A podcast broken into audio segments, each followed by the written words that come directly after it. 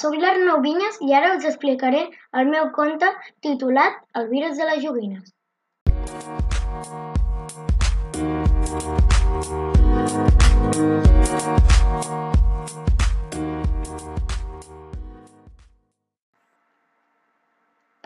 En un país molt llunyà hi havia un nen que tenia moltes joguines, ja que els seus pares eren molt rics i n'hi compraven moltes i molt cares.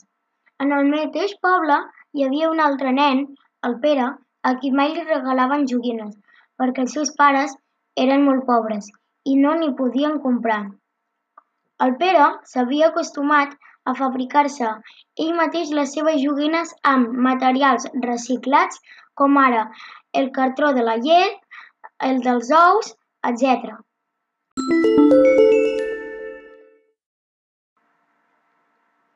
Sovint alguns nens de l'escola se'n reien del Pere i de les seves joguines, però ell tant se li en donava, ja que s'ho passava molt bé amb elles. Un dia, per les notícies, van explicar que en un país molt llunyà les joguines s'havien posat malaltes i ja no es podia jugar amb elles. Tot el món va quedar una mica parat i els inventors de joguines van concloure que era degut a un virus anomenat Jovi-19.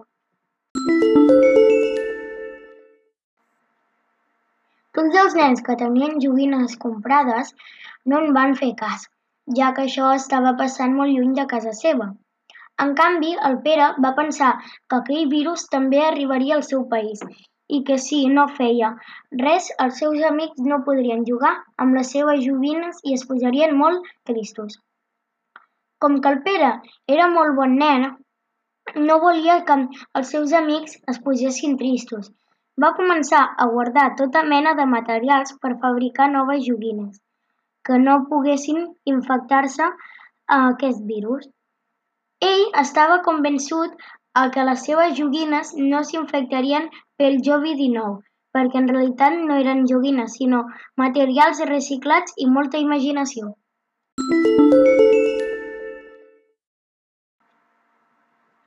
Al cap d'uns dies, un nen de l'escola va arribar plorant.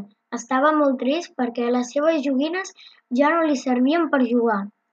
Llavors tots els nens es van espantar molt, tots menys el Pere.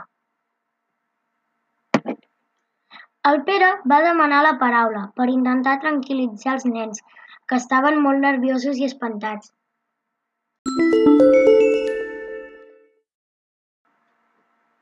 El Pere els va dir que no es preocupessin, que ell ja havia previst que això passaria i que tenia molt material per fer joguines per tothom i que ell ensenyaria com fer-ho.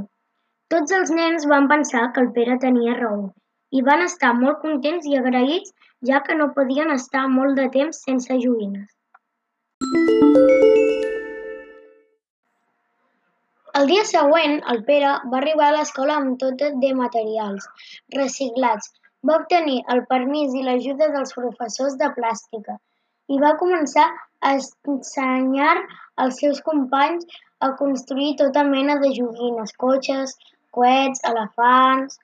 Tots s'ho van passar molt bé, construint les seves joguines, que per cert funcionaven perfectament, doncs estaven fetes a prova del virus. El, el Pere es va fer molt famós i va ser molt estimat per tota l'escola, tant que al final li van posar el seu nom a l'escola.